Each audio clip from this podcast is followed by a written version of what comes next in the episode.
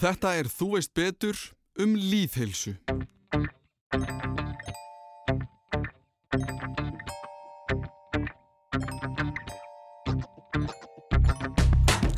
85.000 einstaklingar á Íslandi eru með sagt svo kallar svona forstíksíkusíki sem er brenglanir hækkanir á blóðsykri um 170.000 Íslandingar eru í einvirting. Þetta eru raunverulegar tölur.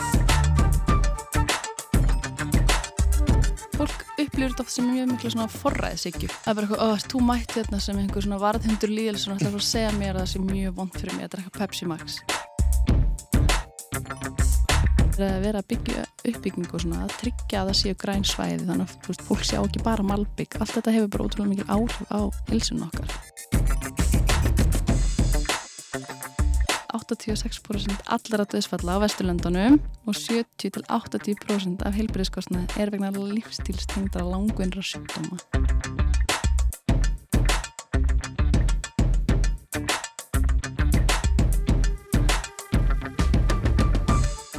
Við höfum líklegast öll heyrt þetta hugtak áður, líðheilsa. En hvað þýðir líðheilsa? Ég við ekki henni fúslega þegar ég fekk hana Guðrunu Magnúsdóttur, líðheilsufræðing til minni viðtal, þá hafði ég ekki hugmynd um hvað máli snerist. Ég hafði eins og margir aðrir heyrt orðið áður, en áttaði mig ekki alveg á því um hvað væri verið að tala. Við fórum aðeins yfir hvað þetta byrjaði, hvernig þetta er, um hvað þetta snýst, og hver framtíðin er. En fyrst smá kynning frá henni.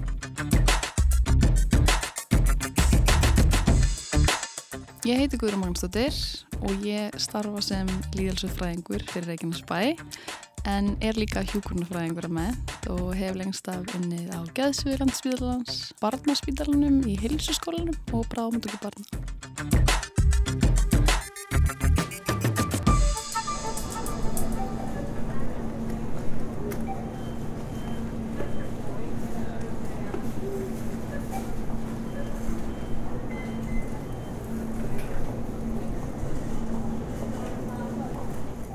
Það er til skilgrinning af líðhelsu frá 1923 sem er einhvern fyrsta hugmyndin um hvað það sé og það er maður sem heitir Winslow sem að komið þá skilgrinningu en hún er semst þannig að vísindi og listin að komið vekk fyrir sjúkdóma, lengja líf og ebla líkamlega helsu og virkni í gegnum skipulegar samfélagslaðgerir og þetta er svona hans skilgrinning á því hvað líðhelsa er. En svona fyrsta líðhelsu ingripið það er kannski svona kemur um miðja 19. öld og þá var sérst læknir sem var kallaðist John Snow og hann sérst, var læknir í Breitlandi og það var mikill kórelu faraldur í London og fólk held að þetta væri sérst, eitthvað sem smitaðist með loftinu en hann fór svona einhvern veginn að kortleggja hvaðan smitin væri að koma og fór að rekja ferði smitar einstaklings og þannig að hann fundi sérst upptök smitsins sem var í vassbrunni í borginni og stöðvaði þannig faraldin með að rýfa handfanga á brunnunum. Þannig að það er eitthvað svona fyrsta kannski faraldsfræðilega eh, inngripið ef það er hægt að orða það þannig. Mm. Þannig að með því að kortleggja eh, hvaðan fólk var að koma þá gott hann átt að segja á því hvað upptök sérst bakteríunar væri og mm. þannig stoppað hérna faraldurinn. Er í þessu útskýring einföld útskýring á því hvað líðhelsa er? Já, það er einhvern veginn að átta sig á því veist, hvernig hópurinn svolítið hefur það og þú veist, til dæmis annað er einhvern veginn svona með að skrásetja andlátt, þú veist, kjölfar mikill á döðsfalla og svona mm. þú veist, með að skrásetja hlutina, mm. þá getur við einhvern veginn kortlaðu betur, þú veist, ef maður átt að segja á því að rosalega mörg börn er að deyja í þessum landsluta. Af hverju er það? Þá getur við einhvern veginn átt á okkur ár því og svo getur við líka skoða tölfræðan út frá öðrum löndum mm. og þannig hugsa, ok, hvað er að gera betur hér og hvað er þeir að gera öðruvísi og okkur lifa þeir lengur, okkur færri einstaklingar með hjertasjúkdóma hérna mm. en rosalega margir með hjertasjúkdóma í öðru löndum. Hvernig, hver er ástæðan? Og þannig einhvern veginn reynd að átta okkur á því og með því einhvern veginn átt okkur á því þá er líklega að við getum gert eitthvað í málunum. Er þetta að miklu liti forvarnir? Já, í rauninni er líðhelsa forvörn og fólk upplýður þetta sem er mjög miklu svona forræðsíkju. Það er bara eitthvað, þú mætti þetta sem einhver svona varðhundur líðhelsa og ætlaði að segja mér að það sé mjög vond fyrir mig að drekka Pepsi Max. Já. En í rauninni er líðhelsa ekki út frá einstaklingnum, heldur frekar út frá hópnum. Mm. Þú veist, það er miklu dýrar að meðhandla einhvern einstakling í staðin fyrir að reyna einhvern veginn að horfa hópin frekar Mm. og vera með einhver líðhelsu eflandi ígrip þar frekar en að vera alltaf að hlúa að einstaklingnum Mm Það er bara dýrara og tímafrekara. bara miklu dýrar og tímafrekara og ég held bara að hópnum líði betur ef einhvern veginn það er verið að hlúa hópnum en ekki alltaf bara einhverjum ákveðum einstakling Mm Og hvenar kemur þetta hingað? Vitu við það? Hvenar byrja Íslendingar að pæla í þessu? Sko, e, það er til fyrsta líðhelsu stefna Íslands, Mm. mm. velferðarraðnindis hún er frá 2016 en þetta er það miklu fyrr, miklu Mm. fyrr Það hlýtur þá mjög margt að vera líðhelsa. Mhm. Ég meina, fíknefnulegst Ísland 2000 eða eitthvað, þú veist, var líklegast líðhelsa. Já, En þessar aðferðir mm hljóta hafa breyst einhvern veginn. Að þú nefndi forræðisíkju, -hmm. að þá er kannski það bara að segja allum að vera í belti, akkurat er líðhelsa.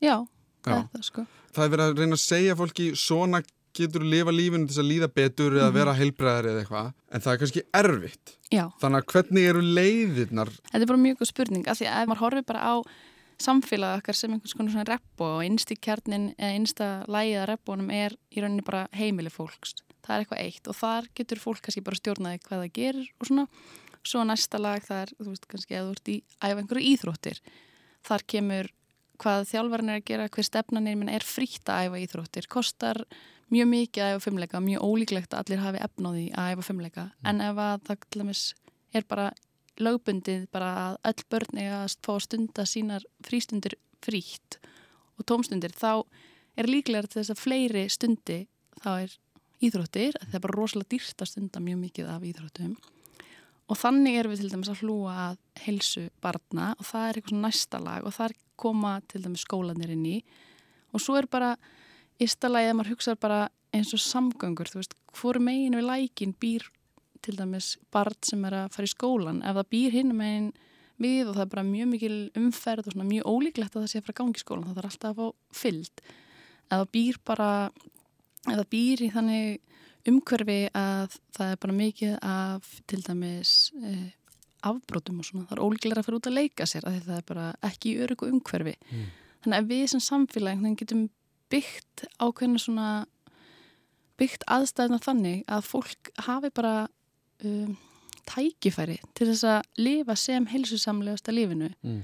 það er líðhelsa þú veist, ef það er alltaf tekið inn í dæmið að það sé verið að tryggja að það sé sem heilsusamlegast þá erum við búin að gera svo margt eins og til ákveðið sem heitir Blue Zone Areas ákveðin svæði í heiminum þar sem er mesta langlífið. Og það er maður að skoða það það er ákveðin svona faraldra. Af hverju lifir fólk lengur þar og býr við betri lífsgæði, svo er það annað það er eitt að lifa rosalega lengi og annað að eiga góð æfi ár. Og það sýnir tölfræðin að fólk er bara bæði að lifa mjög góða æfi og bara er að lifa mjög lengi Mm. Og það er til dæmis bara mjög hreitt matur, það er mjög gott lofslag, það er hreint vatn, fólk býr við öryggi, það er mikil hamingja, þannig að allt þetta skiptir svo rosalega miklu máli Mm. og þá getum við að skoða hvað eru þau að gera sem að við getum gert betur. En virkar það alltaf? Þú veist, getur við horta á eitthvað, segjum bara eitthvað borg í Ástralíu eða eitthvað Mhm. bara hinum einu hnetturum Mm og sagt bara hvað getur við gert? Eru þau bara eitthvað þróunarlega öðruvís en við þannig að við, þú veist, eða, eða er þetta bara algilt? Þú veist, eins og hlutinni sem þú ert að nefna. Eru þeir svona algildir einhvern veginn? Eru þetta svona fyrstu stóru póstanir sem að þið pælið í? Þetta getur ekki bóra okkur saman við, ég meina sumlönd bara, það er alltaf sól og bara alltaf ekkert mál að fara út og bara það er alltaf geggja veður og fáar bílagautur og svona, við getum við ekkert bóra okkur beint saman við það, við getum samt hort bara, ok, hvernig getum við passað að alltaf mis all ungmenni, ef að skólanir eru byggð, er hafðir á svæðum þar sem að mesta byggðin er. Þannig er líklega að flestir geta lappað í skólan og eru göngustígar á flestum svæðum og það er náttúrulega bara ábyrð sveitafélagana og þegar það er verið að byggja uppbyggingu og svona að tryggja að það séu græn svæði þannig að veist, fólk sjá ekki bara malbygg, allt þetta hefur bara ótrúlega mikil áhrif á helsun okkar.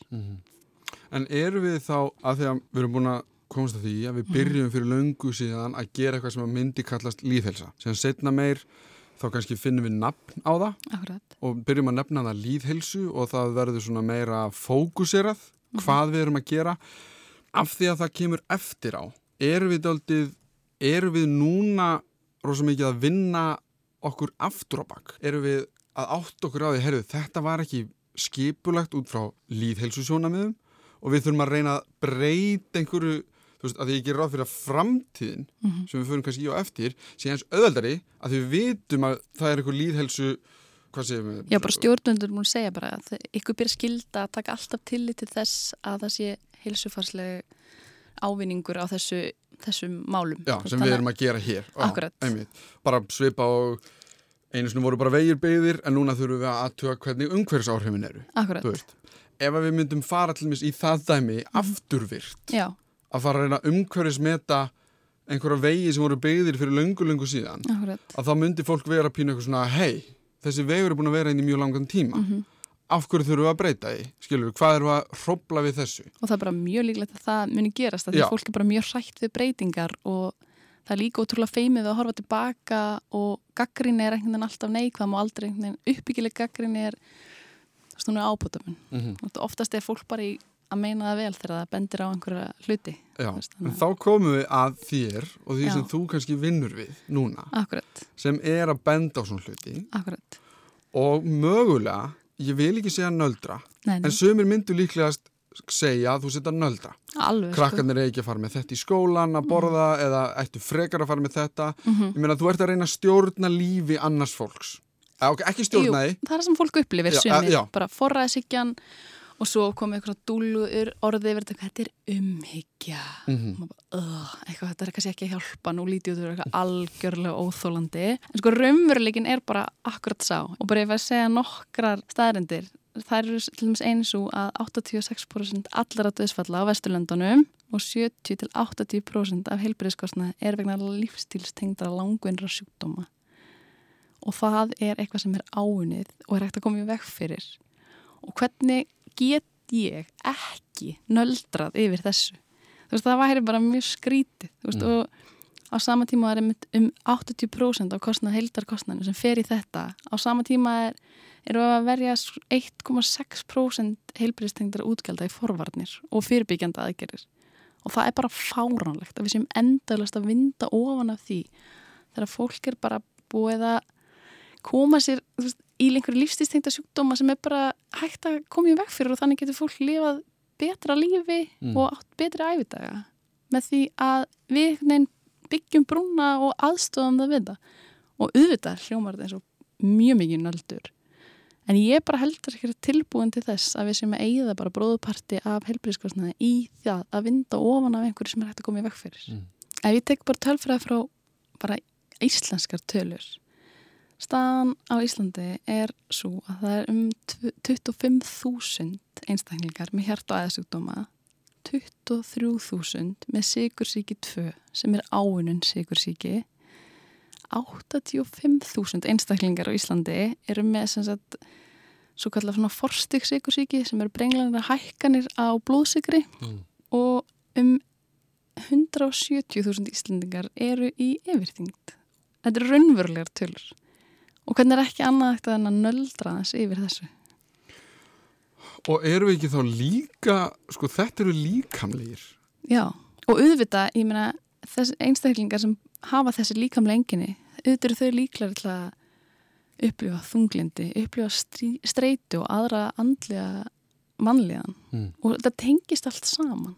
Þú veist, þannig að maður þarf líka einhvern veginn átt að segja hvað er rót vandans. Þetta er ekki allir sem eru yfirþyngd af því að þeim finnst þú rosalega gott að borða. Þú veist, það er oft einhver annar vandi sem Mm. er kannski mitt einhver streita eða einhver sveppleysi. Ég meina bara rosalega margir sem að eru bara ekki að sofa nótlega. Tölur sína bara fáránlega að háa tölur um það hvað fólk er að sofa lítið. Mm. Það er bara mjög mikil áhrif á lífsgæði þeirra Mm. og bara mataræði og hreyfingu og andlega líðan, bara allt þess að auðvitað skiptir þetta rosalega mjög máli og auðvitað er mjög mikilt að benda á þessar staðrendir, bara heyri það er eitthvað í gangi hérna, það er bara eru allir að koma með mjög hækkaðan blóðsikur og við ætlum ekki að benda á það. Mm.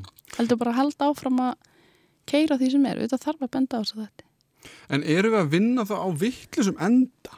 Já, ég meina bróðpartur af fjármagninu til þess að fara í að vinda ofan því sem er orðið í staðan fyrir að fyrirbyggja. Og það er það sem að líðelsa gengur út á. Hún gengur út á að fyrirbyggja. Mm. Og ebla þá þætti sem að mættu betur fara þannig að fólk bara líði betur og geti átt betri æfar En hvað með, og nú ætlum ég að taka persónlegt dæmi, Mhm. uh, nú var ég græminsæta, Mhm. ég held að fólk sé, einmitt eins og mynd, margir myndu kannski segja, mismunandi. Mhm. Og maður heyrir endalist um keto, 5-2, 16-8, Mhm. Lágkólvetna, þú veist, við getum haldið áfram endalist um einhvers konar mataræði sem áláta að liða betur. Hvað finnst mér um þetta? Já, eða þú veist, í raun, hvað finnst þér um þetta? Já. Þetta eru rosa mikið megrunarleiðir, þetta leiðir til þess að uh, léttast. Mhm. En á einhver leiti þá verði, verða líðheilsufræðingar Mhm. líka að koma að segja uh, þetta er holdt mataræði. Mhm. Sko, rannsóknir sína að það er alltaf betra að borða meira ávastum græmyndu en unnum matverum en mér er líka bara mjög mikilvægt að taka inn í þetta að byrja sér frá því hvort maður sé græmyndsæta eða hvort maður sé á keto eða 16-8 hvað mataræði sem fólk er eða til dæmis að valda er mjög mikil streitu að þú sért græmyndsæta þá set ég bara spurningamarki við það bara er eitthvað rosalega gott að vera græmyndsæta en þú ert alltaf í einhverjum kvíða út í búð af því þú veist ekki hvað þú kaupa og ferð mögulega að borða mjög einhæft fæði af því þú kannski kannt ekki aflæðir upplýsinga um hvað er gott græmendisfæði. Mhm. Maður hefur líka til að bara fólk sem er vegan og svona það er, mína, Oreo er vegan, Doritos sumt er vegan og þá hugsa maður líka bara já, ég menn auðvitað er það gott út frá einhverjum sjónamiðum en maður þarf að taka einhvern veginn heildarmyndin og það er það sem mér finnst vera svona líðhelsi, það er einhvern veginn að maður horfi á alla þættina. Mm. Bara ertu að sofa 5 tíma á nóttunni en þú borðar rosalega holdt bara er ekki kannski bara betra að sofa 7 tíma á, eða 8 eins og ég minna það er alltaf fólk sofi 8 tíma á nóttin er ekki bara betra að sofa 8 tíma búir við fyrir eitthvað góða andlega helsu og leifir þér stundum kannski að fá þér eitthvað sem þér finnst gott Þú veist, þetta, mér finnst þetta líka svolítið verið að maður vera svolítið að horfa heildrænt En eru við komin með einhvern svona gullin standard? Eða þú veist, eru við komin með eitthvað svona, veist, gæti ég fyrir á netið og flett upp bara Já, hvernig þarna- ætti ég að uh, borða eða eitthvað slis? Akkurat, það er einmitt ákveðið bara frábær spurning. Þarna erum við, að svona áður en ég segja svarið við þessu, þá Mm. finnst mér mjög mikilvægt að fólk átt að segja að líðhelsa kemur að svo mörgu, þú veist, hún kemur að heilsueflingu, hún kemur að almannavörnum, heilbreyðistjónustu, umhverfisvend, eh, sótt og slísavörnum, það hefur allt svo mikil áhrif á líðhelsu. En eins og þú veist að spurja um, einmitt, hvort að þú getur fara á netið að aflæra upplýsingar, þú veist, hvað er best fyrir þig?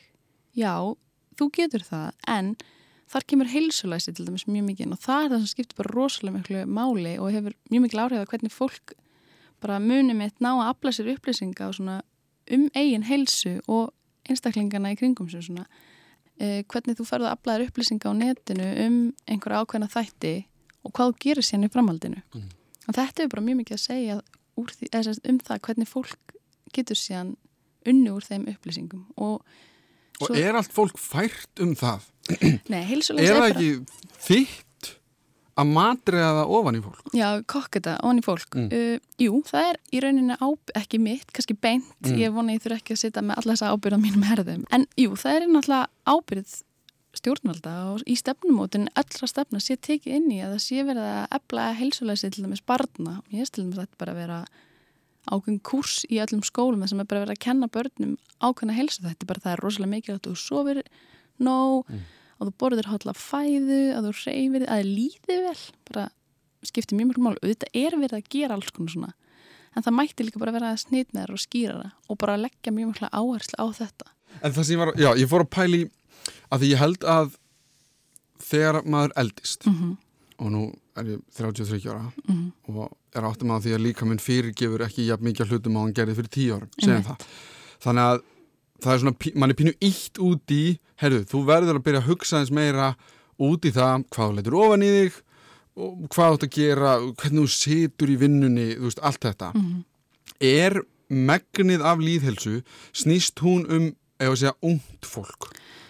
Mér finnst hún snúast bara um alla Mm. og mér finnst þetta mjög góð spurninga því þú segir einmitt, þú veist, mann er einhvern veginn ítt út í þetta og einmitt líka menn bara refsa þér ef þú gerir eitthvað sem að þú gast gert fyrir tíu árum en þetta er einmitt, sko, mér finnst að líðelsan eigi bara að vera þannig að við sem samfélag tryggjum það að einstaklingin getur bara gert sem mest sjálfur þess að þurfa endast að vera að hugsa um það. Að ég held að sé líka bara mjög streituvaldandi að vera alltaf bara, ó, hvað er hotlast fyrir mig að borða núna, bara hvað er best fyrir mig að reyfa mikið? Bara, ó, ég er ekki búin að ná 10.000 skrefum og ég náði ekki að svona með 6 tíma og þú er bara einhverjum kvíða yfir þessu, ég held að það sé bara mjög óholt þannig ég held til dæmis bara ef þú kemur mjög gott úrval af hollum og góðum mat og bara óhaldast hann hafð bara einhverstar bakveð sem maður bara sér hann ekki og það er kannski bara ekkert í menningun að vera í því. Þá held ég til dæmis að það sé bara það er hilsveiflandi mm. og þá, þar, veist, þá erum við einhvern veginn að hjálpa þér að þú eru ekki að sífælt að hugsa um þetta. Veist, og bara ef það væri bara frábæra gönguleið þannig að þú myndir bara rölda heim og þá væri ekki að pæla endalast í því að vera bara ég er ekki búin að ganga tíður skref í dag hvað ég að gera? Heldur bara er einhvern veginn aðstæðina sem þú býrði. Það eru bara þannig að það hlúa bara svolítið að því að þú getur búið við mjög hilseflandi umhverfi. Mm. og þetta finnst mér líka að vera eins og þú veist, með nokko og alla þessa orkudrykki þetta ætti bara að vera, þetta er allstar í búðum núna bara fremst, þetta ætti að vera bara einhverstað mjög eftirlega, þetta er bara frekar erfitt að nálgast þetta til dæmis. Og krakkar eru mjög mikið að drekka þetta núna. Það er allir bara, af hverju er þetta svona slæmt fyrir mig, bara að því þið eru bara ekki að sofa til dæmis. Þið eru bara að drekka þess að orkut er ekki allt og seint fyrir utan það því það er bara ekki ég finna framheilin er bara ekki orðin á þroskaðir fyrir alla þessa koffín örfun og bara þið verður miklu kvatvísari er að sofa miklu minna þið verður, þú veist það sem gerist þú drekka koffín, þá ekst hjarslátturinn og líka minn hugsa bara shit, það er eitthvað að gerast, þú veist það er einhverjar hættur í umhverfinu og verður bara ótrúlega kvíðin. Þannig að þetta bara er að valda kvíða, sveppleysi og þetta er bara alls ekki gott fyrir krakkarnar og svo hugsaði bara, okkur, okkur leðilega að með ekki drekka orku, þetta er ekki bara, þú máta alveg. En þeir bara líður alls ekki vel að því. Mm. einstaklingar sem eru 13-14, þeir eru breknin ekki orðnir það þroskar, þeir séu einhvern veginn í tengslam fatti hvað það áhrif þetta hefur, þannig að þá er einmitt ákveðin forræðisíkja, það sem er bara eitthvað herðið, þetta er bara alls ekki gott fyrir ykkur, líka því þetta bara hefur svo mikil áhrif á allt umhverfið þeirra. Sko, ekkert af þessu breytist mm -hmm. sem þú nefndir mm -hmm. nema næstu því vera fært í lög eða reglugerðir eða hvern, þú veist, hvernig þú vilt orða það sko. Þú veist, maður kemur á íþróttaviðbyrju og börnum börnunum eru líka upptegnar að því hvað er verið að selja í sjóppinu en að stunda íþróttina mm. þú veist, maður er bara, heyrðu, þetta er bara mjög skrítið þú veist, þá bara verið einhvað fyrirtæki að sponsa þetta tiltegna mót eða hvað sem það er, eða þannig viðbörð og þetta er einmitt bara, heyrðu, er þetta bara í lagi? Og þá einmitt spyrir maður sig, já, kannski þarf bara að setja þetta í lög. En hvar stendur þá líðhelsa? Af því að núna gætu kannski sögumir sagt, uh, það vilja bara banna allt, mm -hmm. vilja bara banna allt sem er gaman. Mm -hmm. Ég vil það, já. nei, alls ekki. Uh, ég meina, hvað stendur líðhelsa varðandi, bara ég meina, núna er Ísland til dæmis áfengist þjóð, mm -hmm.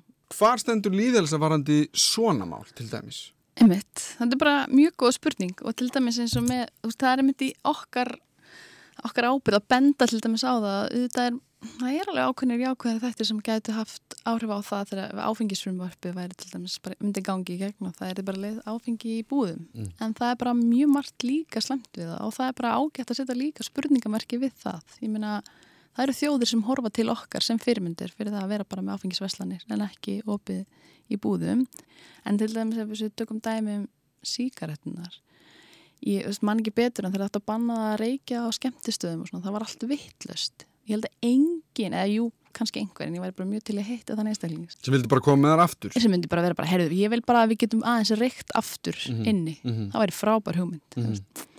þannig að já, já, ég meina það er alveg mjög gott dæmi mhm.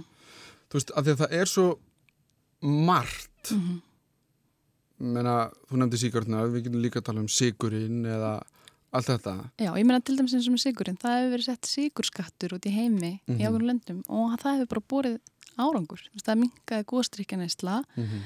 sem hefur bara mjög mikil áhrif á heilsufarslega stöðu einstaklinga, ég meina þá dregur úr líkum á einstaklinga þróum þessir sigursíki 2 hjarta á æðasjúkdóma þannig að það er auðvitað ekki, mér finnst í rauninni ekki eins og það er á bannalt og ég er alveg bara smá mótfallin því. En við getum sett ákveðna hluti í sviðsljósið og dreyið úr öðrum og svo er það bara val einstaklinga. Þú veist, þú getur en þá keft síkaretur í búðum en það er öskra ekki á þig mm -hmm. þegar þú kemur inn. Þú veist, að við auðveldum bara hotlavalið en við þurfum ekkert að banna óhotlavalið Þar höfum við það. Þetta snýst kannski meira um forræðisíkju forvarnir þess að koma í veg fyrir já, setni tíma vandamál. En af því að við erum búin að fara yfir um hvað þetta snýst og, og hvað það er að vera líðhelsu fræðingur og reyna að búa til já, reglur sem eru góðar fyrir hópin þá langar mér til að vita já, hvernig framtíðin kannski blasir við okkur er til dæmis komin líðhelsufræðingur í hvert einasta sveitafélag Það er bara alls ekki þannig. Kópásbær er eini, eina sveitafélagi sem er með starfandi líðelsufræðing og Reykjanesbær er núna annað sveitafélagið. Eh, Það er mjög mikil eldmáður í mönnum í Reykjanesbæ og ég minna Reykjanesbær er mjög flókið samfélag.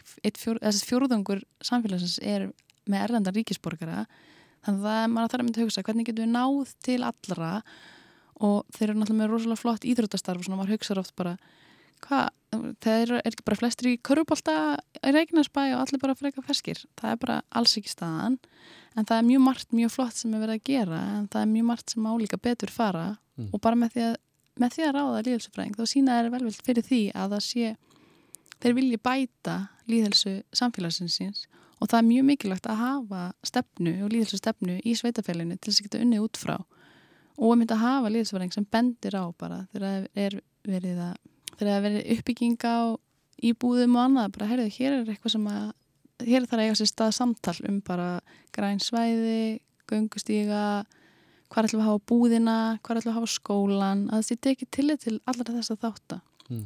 svo fólk svo getur svo bara sjálft stundað heilsusamlegt líf. Það var semst gefið hún stefna, líðhelsu stefna árið 2016 í september sem tekur til ársins núna, loka árs núna 2019 það er ekki búið að gefa nýja stefnu en hún segir svona að innan hverja einstu stefnu sem er gerð innan sveitafélag og, og ríkistjórna sé tekið tillit til þess að það sé líðhelsulegt sjónamið mm. þannig að það er náttúrulega, jú, það er algjörlega ráðunitin En þetta er nú svona frekar þetta er svona hljómar eins og einhver auka viðbót í staðan fyrir að vera bara regla Þetta er skrautfjöður í rauninni, Já, já. meina það? Já. ég er að segja það Og það er náttúrulega fullt af skrautfjöðurum út um allt sem að, að það er bara, já, svo erum við með hérna, þessi markmið og það er búið að gera alls konar skrautfjöður þetta hljómar allt rosalega flott en þá er einmitt bara, ok, en hvað er verið að gera?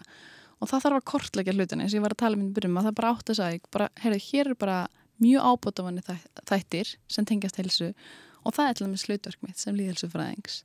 Þannig að það er eitt að vera með einhvern líðhelsu stefnu eða vera með einhvern, já, við þurfum að taka tillit til heilsu í alla stefnunar okkar og það er rosa flott, einmitt eins og ég var að segja, skrautfjöður.